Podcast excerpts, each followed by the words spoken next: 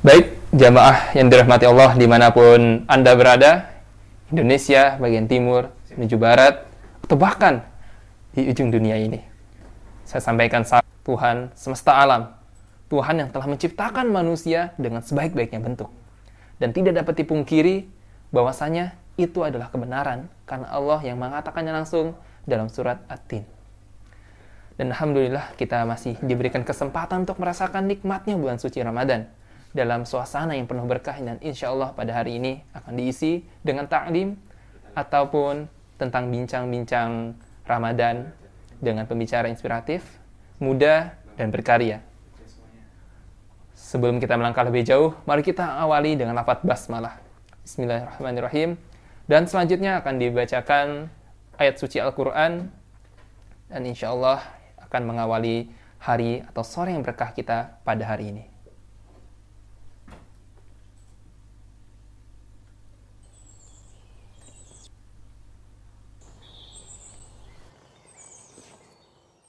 أعوذ بالله من الشيطان الرجيم. بسم الله الرحمن الرحيم. وقضى ربك ألا تعبدوا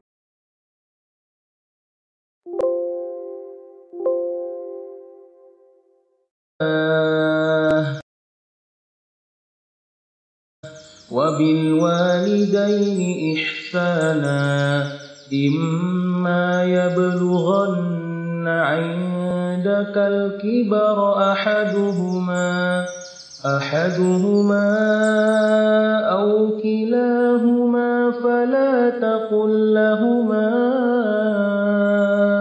أف فلا تقل لهما أف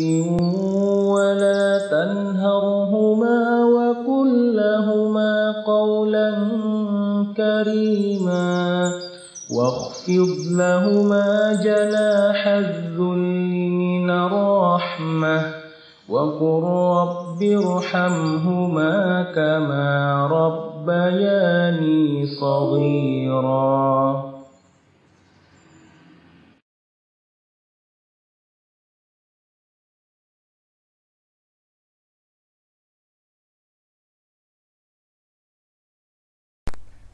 Alhamdulillah telah dibacakan Al-Quran dan insya Allah siapa pun yang mendengarkan, yang membacakan, apalagi yang mengamalkannya, semoga selalu dalam lindungan dan naungan Allah Subhanahu Wa Taala. Baik, jamaah sekalian, permisa yang dirahmati Allah, mari bersama kita meraih keberkahan dengan aneka program Ramadan di Salman pada tahun 1441 Hijriah. Sedekah untuk dakwah Ramadan dan support Salman selama wabah dapat diseluruhkan ke rekening virtual account BNI Syariah atas nama Sedekah Dakwah Salman di running text di bawah. Bisa dilihat di bawah ada running text.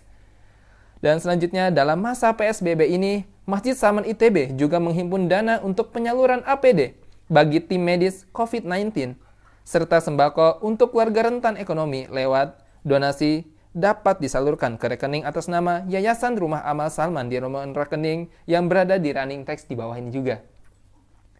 Siaran ini terselenggara atas dukungan berbagai pihak sponsor. Mari dukung kampanye follow for donate dari Badan Wakaf Salman dengan memfollow akun Instagram at wakafsalman.itb.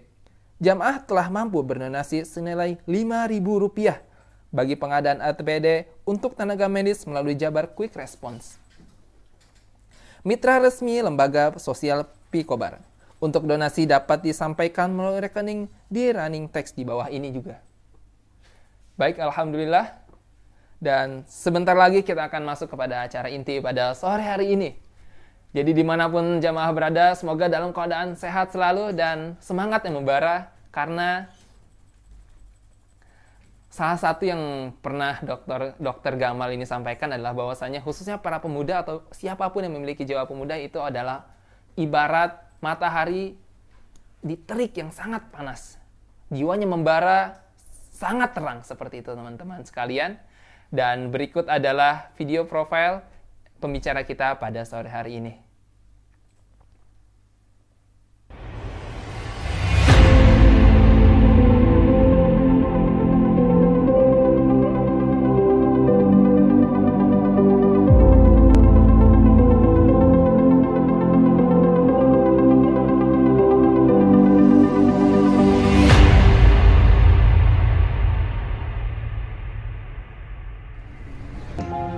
Dr. Gamal Abin Said adalah seorang inovator kesehatan dan wirausaha sosial.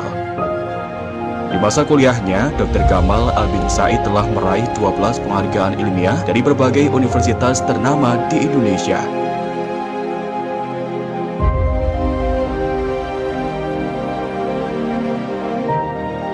Kisah seorang anak pemulung bernama Hairunisa yang meninggal di gerobak sampah ayahnya karena sakit diare dan tak mampu berobat memotivasi Dr. Gamal Albin Said mengembangkan berbagai inovasi kesehatan untuk mencapai visinya membuka akses layanan kesehatan kepada semua orang, khususnya mereka yang kurang mampu. Berbagai inovasi yang telah dikembangkan di antaranya klinik asuransi sampah, Inmate, dan siapapeduli.id. Berbagai inovasinya telah membantu masyarakat yang kurang mampu untuk bisa merasakan manisnya layanan kesehatan. Dengan berbagai inovasi kesehatan yang telah dikembangkan, Dr. Gamal Abid Said menjadi pemuda pertama di dunia dan satu-satunya di Asia yang meraih penghargaan HRS The Prince of Wales Youth Sustainability Entrepreneur Award dari Kerajaan Inggris yang diserahkan langsung oleh Pangeran Charles. Ya. Tak hanya itu, lebih dari 50 penghargaan dan 12 di antaranya adalah penghargaan internasional dari Inggris, Jepang, Jerman, Korea Selatan, India, Thailand, Kamboja, Peru, dan Amerika Serikat. Selain itu, Dr. Gamal Abin Said juga masuk dalam satu di antara 50 inovator sosial paling berpengaruh di dunia. Berbagai tokoh-tokoh dunia juga ikut mengapresiasi karya Dr. Gamal Albin Said, termasuk di antaranya Presiden Rusia Vladimir Putin. Selain mengembangkan inovasi kesehatan, Dr. Gamal Albin Said juga aktif menjadi inspirator dan telah menjadi pembicara di 17 negara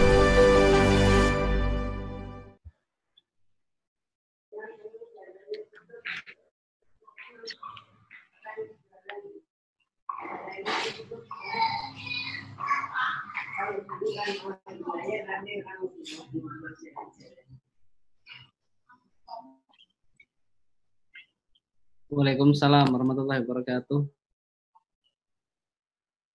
Ya, terus semangat kan? yes.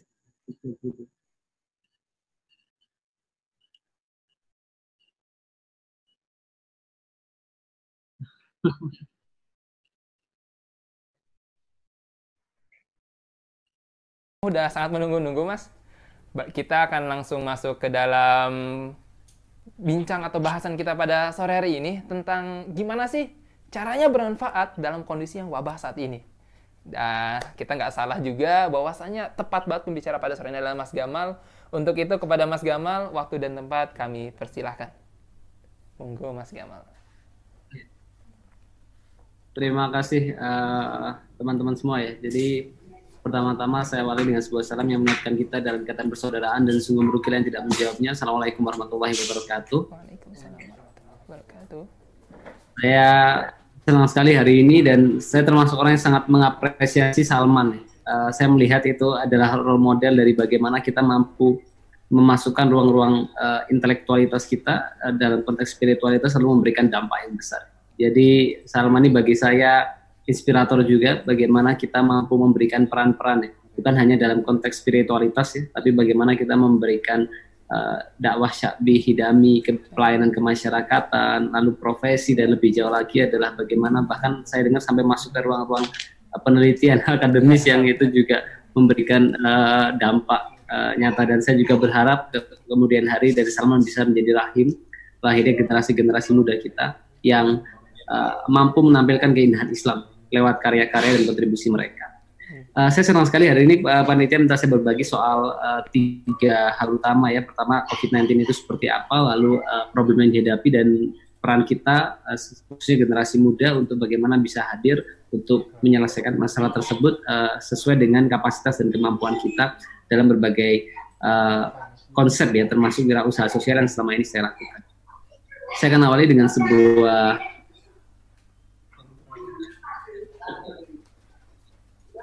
materi tentang COVID-19. the fight against COVID-19? In December 20. Jadi kita tahu di akhir 2019 kemarin banyak sekali uh, kasus pneumonia yang ditemukan di Wuhan ketika itu dan belum bisa teridentifikasi penyebabnya. Tidak lama kemudian diidentifikasi sebagai jenis coronavirus yang akhirnya oleh WHO diumumkan sebagai Public Health Emergency of International Concern atau kedaruratan kesehatan masyarakat yang meresahkan Dan hari ini kita saksikan ya, luar biasa sekali peningkatannya sudah melampaui 2,9 juta bahkan terakhir uh, dengan uh, angka kasus yang cukup uh, tinggi kematian melampaui 100 uh, bahkan 200 ribu lebih uh, hingga hari ini. Nah, bagaimana secara penularan COVID-19 ini? Jadi ada banyak hal uh, yang perlu kita pahami dalam konteks penularan. Pertama, COVID-19 ini menular melalui droplet. Droplet ini apa sih? Yaitu cairan kecil yang keluar dari mulut atau hidung ketika kita batuk atau bersin. Oleh karena itu penting buat kita melakukan yang namanya social distancing 1,8 meter untuk mencegah penularan itu. Lalu kedua, kita harus benar-benar eh, rajin mencuci tangan, termasuk uh, menghindari menyentuh wajah ya, untuk mencegah penularan ketika kita menyentuh uh, virus itu. Karena ada banyak kajian mencoba mengidentifikasi. Ternyata virus ini, uh, ini dari banyak sumber yang cukup valid mengidentifikasi, ternyata COVID-19 yang disebabkan, disebabkan oleh SARS-CoV-2 itu bisa bertahan setengah hingga tiga jam di udara, lalu bisa bertahan hingga sekitar 4 jam di tembaga, dua hari di besi, lalu sekitar empat hari ya di kaca gelas, kertas dan e, kayu dan bisa bertahan hingga lima hari juga di keramik dan lain sebagainya. Termasuk di polipropilen itu bisa bertahan hingga 16 jam. Oleh karena itu uh, social distancing lalu pola hidup bersih dan sehat menjadi hal yang saya ingin menunjukkan kenapa melakukan social distancing. La, Signal Laboratory itu mencoba melakukan sebuah modeling untuk membandingkan jika kita tidak melakukan social distancing dengan kita melakukan social distancing untuk mencegah atau mengurangi social exposure ya hingga 50 sampai 75 persen. Ketika tanpa social distancing bisa dibayangkan ternyata hari pertama satu orang itu menularkan hingga di hari ke-30 bisa mengakibatkan 406 orang terinfeksi. Jadi bisa dibayangkan kemudaratan yang bisa kita akibatkan ketika kita tidak menjaga diri kita untuk menularkan orang lain. Tapi ketika kita melakukan social distancing, jaga jarak sosial, itu kita bisa menekan angka dari 406 itu hanya menjadi dua setengah orang terinfeksi uh, secara modeling matematika dalam waktu 30 hari. Oleh karena itu penting buat kita dan pertanyaannya berapa lama sih dan berapa banyak orang yang akan terinfeksi melalui pandemi. Banyak skenario modeling yang dilakukan. Salah satunya adalah dari rekan-rekan FKM UI mencoba memberikan gambaran. Ketika kita tidak melakukan uh, intervensi, khususnya pemerintah tidak melakukan intervensi sama sekali, diprediksi ada dua setengah juta orang yang akan terinfeksi dengan kematian 240.244 dengan asumsi ada 268 juta penduduk Indonesia, maka jika tanpa intervensi sama sekali, ada satu dari 100 orang Indonesia yang akan terinfeksi, dan ada satu dari 1000 orang yang akan mengalami kematian. Ketika intervensi pemerintah itu tinggi dan optimal sekali, itu bisa mengakibatkan uh, menurunkan ya angka sampai 500 ribu dengan kematian 11.898. Oleh karena ini kita tidak boleh meremehkan uh, COVID-19 ini. Dan apa yang kita lakukan hari ini adalah flattening the curve. Jadi setiap negara punya kapasitas sistem kesehatan. Jika COVID-19 menular secara masif dengan cepat tanpa social distancing untuk menguranginya, maka akan terjadi peningkatan kasus yang signifikan. Nah, peningkatan kasus ini akan melampaui kapasitas sistem kesehatan kita. Ruang isolasi penuh, tenaga kesehatan uh, tidak mampu lagi menangani jumlah pasien yang melampaui kapasitas sumber daya manusia kita. Lalu bed-bed rumah sakit juga penuh, uh, berbagai kebutuhan APD dan lain sebagainya akhirnya juga akan terhambat. Oleh karena itu dan pada akhirnya akan meningkatkan angka kematian ya dan meningkatkan penularan di masyarakat. Oleh karena itu yang kita lakukan hari ini adalah flattening the curve dengan tujuan adalah bagaimana kita mem memastikan bahwa penularan dari COVID-19 tidak melampaui kapasitas sistem kesehatan kita dan memastikan bahwa sistem kesehatan kita mampu menangani COVID-19 dengan optimal. Dan COVID-19 ini sebetulnya disebabkan oleh uh, jenis dari coronavirus yang uh, selama dua dekade terakhir kita alami uh, dengan jenis yang berbeda, yaitu SARS dan MERS. 2002 kita mengalami SARS, Severe Acute Respiratory Syndrome, yang waktu itu dilaporkan 8.096 kasus dengan angka kematian 774. 2012 kita mengalami MERS dengan angka infeksi 2.494 dengan jumlah kematian 858. Dan hari ini bayangkan uh, jumlah kasus infeksi COVID-19 sudah melampaui 2,9 juta dengan jumlah uh, kematian sudah melampaui 200 ribu. Oleh karena itu uh, bisa dikatakan dampak yang dihasilkan jauh sekali lebih besar daripada SARS dan MERS dan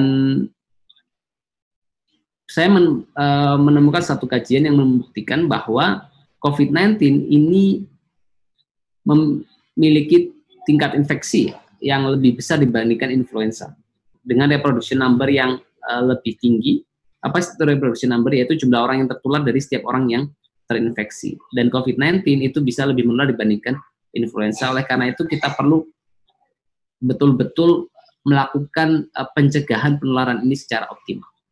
Hal terbaik yang bisa kita lakukan hari ini adalah meminimalisir pergerakan untuk bagaimana bisa mencegah penularan. Selain ada empat prinsip uh, epidemi yang akan uh, saya sampaikan berikutnya. Lalu kedua, ini adalah gambaran negara-negara dengan tes yang berbeda. Jadi ada tiga pola dasar dari setiap negara. Ada yang melakukan tes dengan sangat terbatas sekali, limited testing. Akibatnya apa? Uh, jumlah tes yang rendah ini akan menunjukkan atau melaporkan kasus terkonfirmasi sedikit. Tetapi itu tidak menggambarkan apa yang sebenarnya terjadi di lapangan.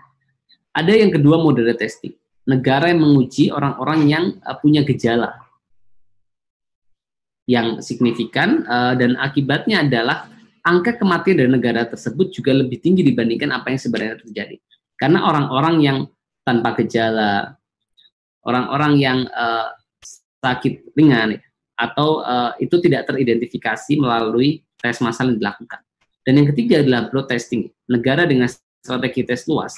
Dan hasilnya apa? Broad test negara-negara yang menggunakan broad test tulang punggung dari penanganan pandemi COVID ini adalah tes secara massal.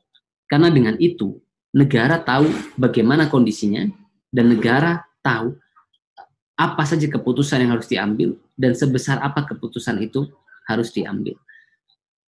Dan hari ini kita dihadapkan pada tantangan itu. Ketika kita komparasi dengan berbagai negara lain, uh, ditunjukkan uh, beberapa hasil ternyata pemeriksaan tes kita itu jauh sekali tertinggal dibandingkan negara-negara lain per seribu orang dan uh, berbagai media juga mencoba melaporkan itu Indonesia rank among world worst in coronavirus testing rate.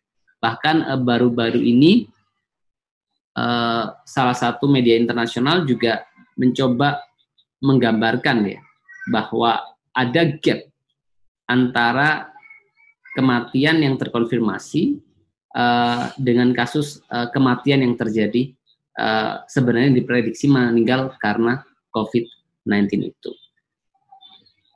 Dan saya pikir ini tanggung jawab kita bersama. Anak muda dari bangsa lain itu boleh memberikan kritik, tapi tidak dengan kita.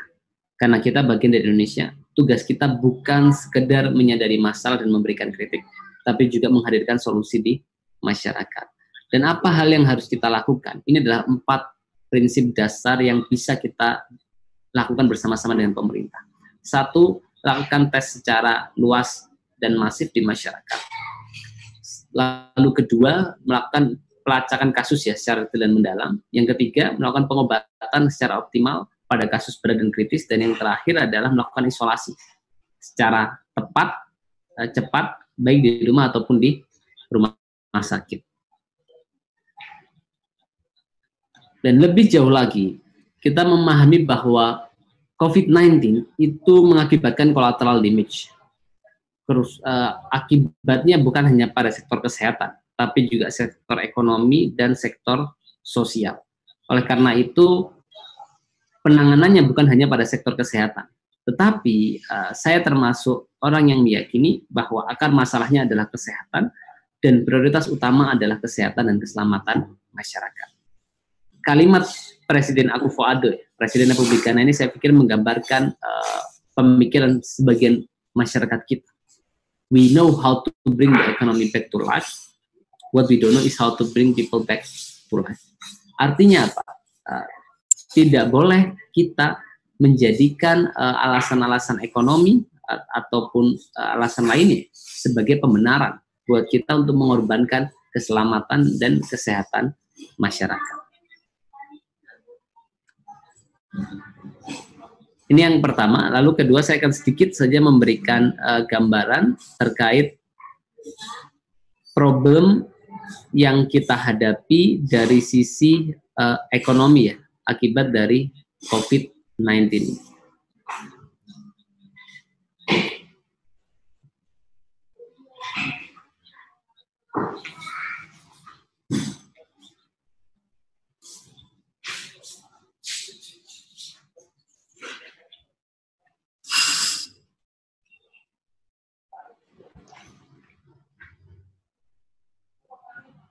Jadi dampak yang diakibatkan dari COVID-19 ini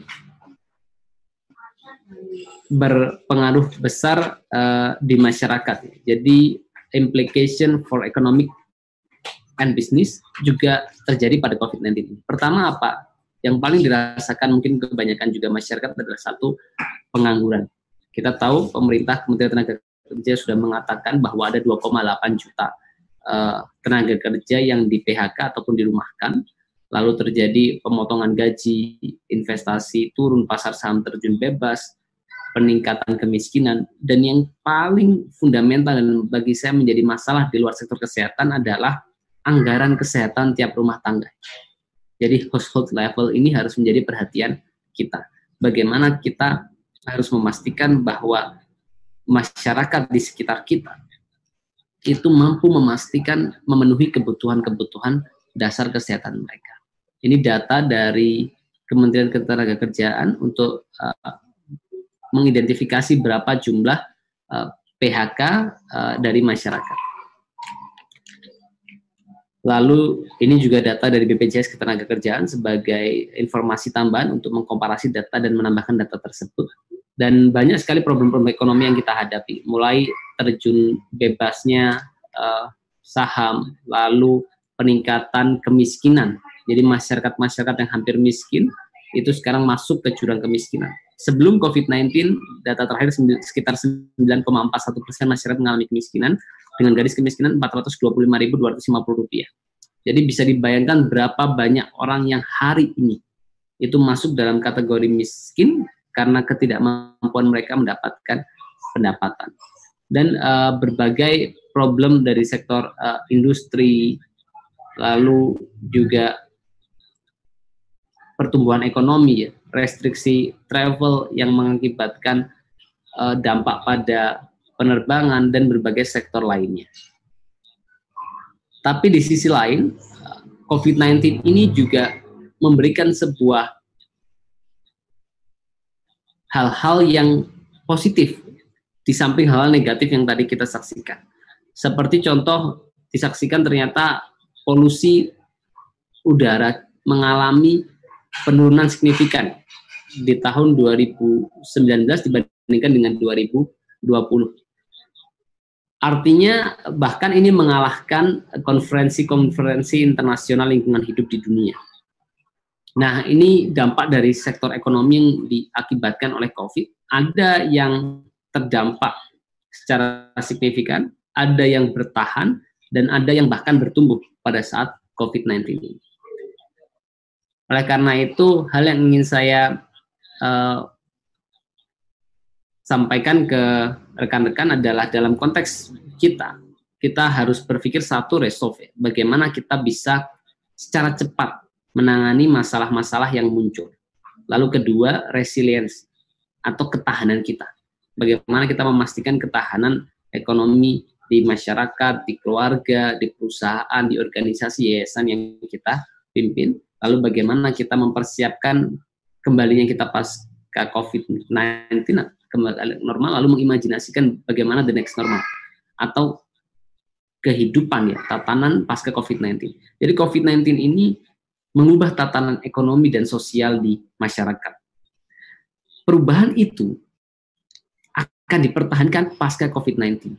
Ada banyak hal uh, yang dis, uh, banyak pakar sebut sebagai the next normal, yaitu tatanan ekonomi dan sosial baru yang diakibatkan perubahan pasca krisis yang dimulai ketika krisis dan dipertahankan pasca krisis.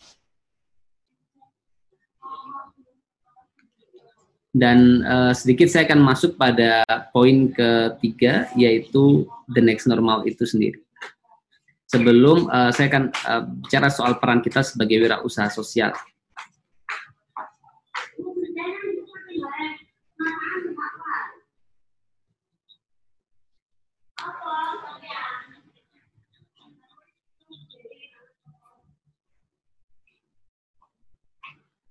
Jadi sebagai pemimpin, kita bukan hanya berpikir bagaimana kita bisa survive dan bertahan pada saat COVID-19 ini, tapi lebih jauh lagi bagaimana kita bisa membantu masyarakat kembali bangkit bahkan tumbuh lebih pesat pada saat COVID-19.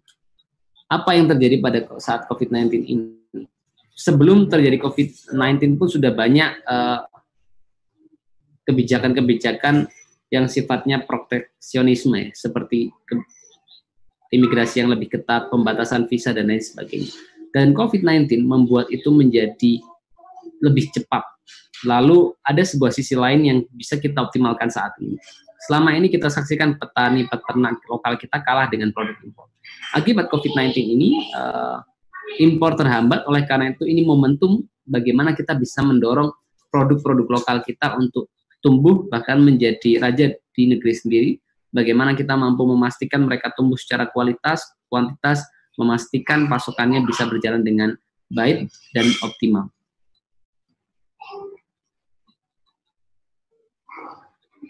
Dan yang kedua adalah ini yang harus kita lakukan yaitu uh, menguatkan ketahanan ya. Jadi resiliensi itu apa? Kemampuan untuk beradaptasi dan tetap teguh dalam situasi yang sulit. Jadi saya yakin uh, ini akan mengakibatkan perubahan cara pandang kebanyakan orang terkait pentingnya ketahanan di hari-hari mendatang.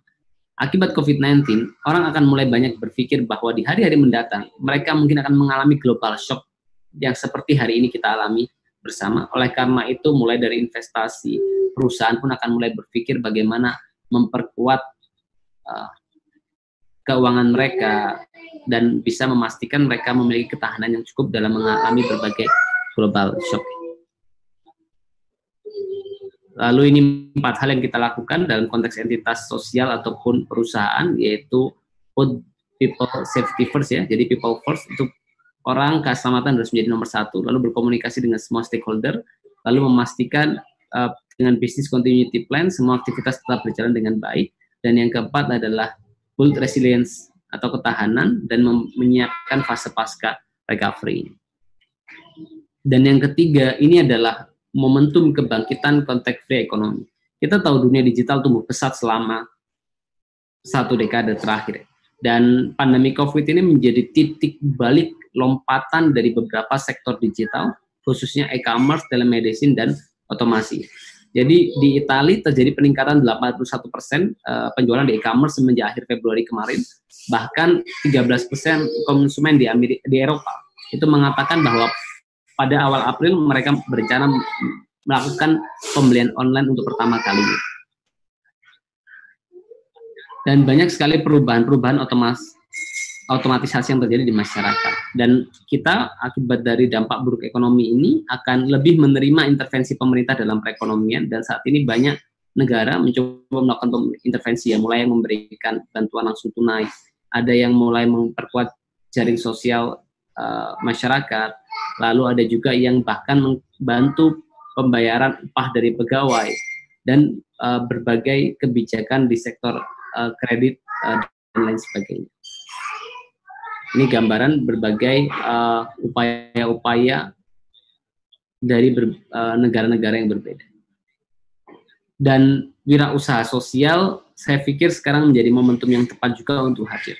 Kita saksikan kemarin uh, salah satu penelitian mencoba mengevaluasi dan menganalisis ya uh, seberapa peduli masyarakat. Ternyata Indonesia termasuk satu negara yang masyarakatnya punya kepedulian yang besar. Oleh karena itu, uh, saya yakin semenjak dulu saya punya keyakinan berpikir bahwa wirausaha sosial itu hadir karena tiga hal. Satu, ketidakmampuan pemerintah untuk menyelesaikan permasalahan di masyarakat. Lalu kedua, ketidakmampuan sektor private untuk menyelesaikan masalah di masyarakat karena orientasi finansial mereka. Dan wirausaha sosial harus hadir untuk bagaimana bisa uh, membantu pemerintah dan private sektor untuk menyelesaikan masalah di masyarakat. Dan saya yakin 10 tahun mungkin 20 tahun kemudian orang-orang akan bercerita. Buku-buku akan mencatat bahwa dalam pandemi ini uh, peradaban manusia pernah mengalami fase pandemi COVID-19 ini. Dan yang harus kita tanyakan pada diri kita dan mungkin nanti akan ditanyakan oleh anak-anak kita. What did you do during the war against COVID-19? Dan kita mulai harus sekarang bertanya sama diri kita, apa peran yang bisa kita lakukan untuk membantu masyarakat mengalami COVID-19 ini. Dan karena akan terjadi perubahan uh, secara besar sekali di sektor industri, perilaku konsumen, posisi pasar, dan lain sebagainya. Dan yang menurut saya ini lima hal yang terjadi perubahan dari the next normal itu adalah masyarakat akan lebih sensitif dengan harga, lalu terjadi uh, higher digital engagement, dan yang ketiga adalah akan meningkat kesadaran soal kesehatan dan kebersihan yang itu harus kita pertahankan dan yang keempat, nesting at home ya. Orang akan lebih nyaman di rumah karena mereka sudah mulai terbiasa dengan work from home dan akan ada definition of brand purpose. Bahkan penjualan produk dengan brand mahal itu mengalami penurunan secara signifikan. Nah, sekarang uh, saya akan berbicara soal wirausaha sosial. Bagaimana uh, kita bisa menjadikan wirausaha sosial ini menjadi solusi saat COVID-19 ini.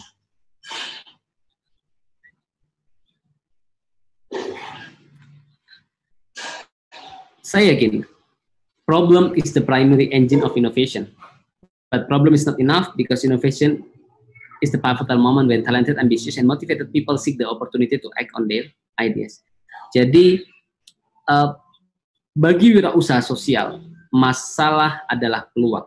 Peluang. Problem is opportunity. Ketika kita lihat masalah, kita akan dan seharusnya berpikir apa inovasi yang bisa kita hadirkan untuk menyelesaikan masalah itu dan membantu orang-orang yang memiliki masalah serupa.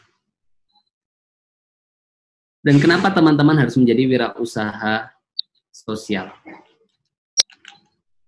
Satu, kalau orang menjadi entrepreneur, itu alasannya karena akselerasi, lalu kedua, freedom, dan aktualisasi. Tapi wirausaha sosial lebih dari sekedar itu. Kita akan punya sense of usefulness. Kita tahu semakin besar perusahaan atau yayasan kita, akan semakin banyak orang yang merasakan kebermanfaatan dari kehadiran kita. Kita berpikir dua hal, bukan hanya berpikir how to make money, tapi juga berpikir how to solve social problem. Dan bagaimana kita bisa berinovasi dalam situasi pandemi COVID. Saya yakin inovasi itu lahir uh, dengan tiga pendekatan. Satu need seeker, kebutuhan masyarakat. Jadi cobalah bertanya hari ini, apa kebutuhan-kebutuhan masyarakat yang belum terpenuhi hari ini? Lalu kita bisa hadir untuk menyelesaikan masalah itu dengan pendekatan wirausaha sosial. Lalu market reader, kita harus bisa memprediksi apa problem yang dihadapi di kemudian hari, satu bulan ke depan, dua bulan ke depan, bahkan pasca COVID-19 ini, kita harus bisa menganalisis itu, mempelajari itu, lalu mengimajinasikannya, dan menghasilkan sebuah inovasi-inovasi yang berkelanjutan, yang kita mulai saat COVID-19 dan kita pastikan memiliki daya kelangsungan yang lama. Dan yang ketiga adalah menggunakan eh, teknologi digital atau tergantung kemampuan tim uh, engineer kita untuk mampu mengembangkan teknologi tersebut. Apa sih wirausaha sosial itu? Banyak definisi mencoba menjelaskan apa itu wirausaha sosial.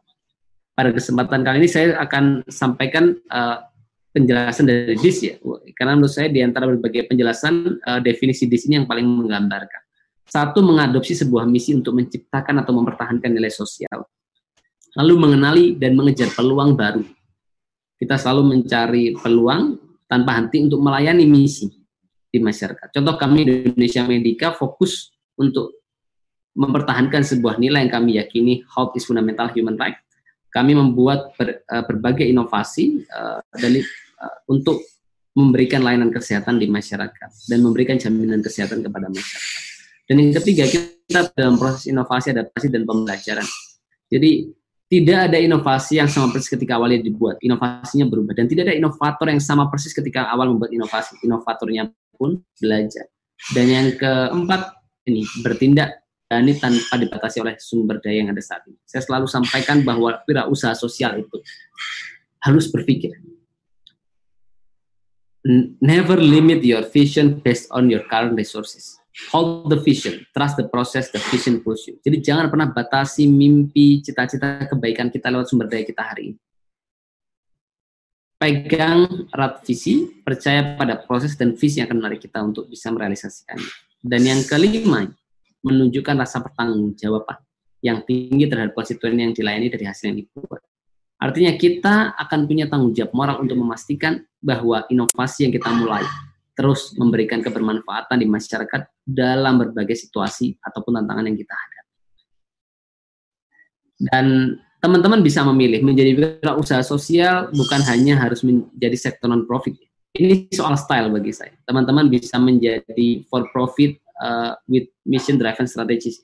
Artinya teman-teman menjadi seorang pengusaha yang punya orientasi misi sosial menyelesaikan di masyarakat. Atau rekan-rekan bisa menjadi seorang inisiator sosial, social movement uh, sektor non profit ya, membangun sektor non profit, uh, tapi memastikan keberlanjutannya dengan ketersediaan sumber daya finansial yang memadai. Dan apa sih yang memotivasi kita menjadi wirausaha sosial? Ketika disurvei di Eropa, kebanyakan mengatakan ingin melakukan sesuatu yang lebih baik. Pasti kita semua merasakan, ya, apakah orang sering bertanya uang membahagiakan? Ada titik dalam hidup ini kita menyadari bahwa uang tidak cukup membahagiakan kita. Dan saya uh, selalu tekankan kepada diri saya bahwa orang itu tidak peduli seberapa hebatnya kita, kayanya kita, pintarnya kita. Tapi yang mereka berikan hanyalah satu, apakah kehadiran kita memberikan manfaat buat mereka. Dan inilah tantangan-tantangan yang kita hadapi ya, soal ketika membangun wirausaha sosial. Pertama, ketersediaan sumber daya finansial, lalu bagaimana uh, faktor legal bisa kita uh, lalu ya kita bisa membangun uh, sesuai dengan regulasi yang ada, memenuhi semua uh, standar legal yang dibutuhkan. Lalu keterbatasan pengalaman bisnis itu di angka 9%, bahkan keterbatasan tim. Nah pertanyaannya, why startup fail? Kenapa banyak inovasi startup di sektor sosial ataupun digital yang tidak bertahan? Dari hasil penelitian, yang paling besar 42% karena no market need. Lalu 29% di peringkat kedua adalah rent out of cash dan yang ketiga not the right thing 23%. Oleh karena itu hari ini kita saksikan market need pada berbagai sektor itu tumbuh besar. Bahkan sektor for profit dan pemerintah tidak mampu menghadirkan inovasi untuk memenuhi kebutuhan masyarakat itu. Dan di situlah kita inovator sosial atau wirausaha sosial harus terpanggil, define calling untuk memulai inovasi. Dan ini yang teman-teman perlu persiapkan. Satu, resources, sumber daya. Lalu uh, kedua, networking. Bagaimana uh, dengan jejaring yang kita miliki, kita mampu mengelola sumber daya yang kita miliki dan dibantu oleh sumber daya orang lain untuk menghasilkan sebuah produk. Jadi bagi saya, hal yang harus kita lakukan adalah tiga hal ya. Satu berpikir soal produk, an item or service yang kita tawarkan kepada orang. Jadi an item or service offer to sell atau to give ke people. Jadi mulailah berpikir apa sih value, produk, jasa yang ingin kita berikan kepada masyarakat. Baik secara gratis ataupun masyarakat harus membayar dengan harga yang murah misalnya. Lalu ketiga R&D ya, teruslah melakukan pembelajaran, penelitian, pengembangan dan yang keempat, packaging, marketing, branding, dan leadership entrepreneurship ini penting. Saya yakin tidak ada inovasi tanpa kewirausahaan uh, dan tidak ada inovasi tanpa kepemimpinan. Dan wirausaha sosial itu punya mindset yang berbeda. Apa? Pertama, kepentingan dirinya lebih rendah. Jadi sosial awareness lebih tinggi, personal interest lebih rendah, dan biasanya risk taker. Jadi motivasinya bukan uh, oleh keuntungan finansial saja, tapi khususnya keuntungan sosial di masyarakat. Dan ini adalah gambaran ya, wirausaha sosial itu di tengah. Oleh karena itu sekarang non profit itu harus uh, bertahap bertransformasi menjadi wirausaha sosial dan perusahaan pun harus tertarik menjadi sosiopreneur. Bukan hanya bisnis konvensional yang tidak peduli sosial atau bisnis konvensional yang mungkin hanya mengalokasikan uang melalui CSR, tapi lebih jauh lagi harus menjadi wirausaha sosial untuk memasukkan sosial dalam bisnis proses mereka. Dan uh, ini gambaran ya, uh, bisnis uh, model dari uh, wirausaha sosial yang bisa kita kembangkan. Teman-teman fokus pada value proposition apa yang mau di-deliver, lalu lihatlah apa sumber daya yang kita miliki. Lalu apa aktivitas yang harus dilakukan untuk menghasilkan value itu, dan apa partner mitra yang kita butuhkan. Karena bagi saya, tidak ada inovasi uh, yang bisa kita kembangkan seorang diri. Jadi innovation is a team support. Innovation is not single breakthrough. Kita butuh jejaring butuh kolaborasi. Terlalu banyak talenta sumber daya kejeniusan di luar yang kita miliki dan perusahaan kita miliki atau yayasan kita miliki dan kita harus meraih mereka dengan kerendahan hati untuk senantiasa ingin berkolaborasi. Dan yang ke berikutnya adalah kita fokus mendeliver value yang kita produksi ini hasilkan kepada uh, customer atau masyarakat kita. Dan ini jenis-jenis dari wirausaha sosial. Pertama, entrepreneur support. Teman-teman bisa membantu banyak UKM yang hari ini mengalami goncangan besar, lalu bisa market intermediary ya, menjadi perantara pasar. Teman-teman bisa masuk ke employment, membuka lapangan kerja secara optimal, bahkan lebih jauh lagi. Banyak sekali employment sector adalah yang membuka lapangan kerja secara khusus kepada orang-orang yang sulit. Contoh disabilitas, anak jalanan, uh, mantan narapidana misalkan, dan berbagai eh, SDM-SDM yang mereka selama ini kesulitan mendapatkan pekerjaan. Lalu yang keempat adalah fee for service, seperti klinik, rumah sakit, sekolah, itu pun bagian dari wirausaha sosial yang memberikan layanan ke masyarakat. Lalu kelima adalah ini yang uh, low income client, kita menghasilkan inovasi untuk memberikan produk dengan harga yang bisa dijangkau oleh orang-orang yang memiliki keterbatasan finansial. Lalu bisa dengan skema koperasi. Yang ketujuh adalah market uh, linkage ya. Uh, seperti banyak e-commerce uh, lakukan dan yang kedelapan adalah melakukan subsidi layanan dengan uh, harga yang bisa dijangkau dan yang uh, terakhir adalah organizational support ya mendukung organisasi-organisasi untuk melakukan pengembangan mereka. Dan uh, tiga hal yang menurut saya teman-teman perlu lakukan adalah pertama follow your passion. If you follow your passion impact will follow you. Jadi di masa covid pun uh, saya termasuk orang yang selalu berpikir mengembangkan inovasi saat ini dan yang produk ataupun unit ya dan yang ketiga mini hal yang memberikan kebermanfaatan. Jadi when our interest intersect with mastery and then get bundle up with sincerity you will see that God empower you. Ketika kesukaan bertemu dengan ketangguhan lalu kau bungkus dengan ketulusan maka lihatlah bagaimana Allah membesarkan. Dan memang menjadi wirausaha sosial tidak mudah teman-teman. Satu kadang-kadang mengorbankan tabungan pribadi,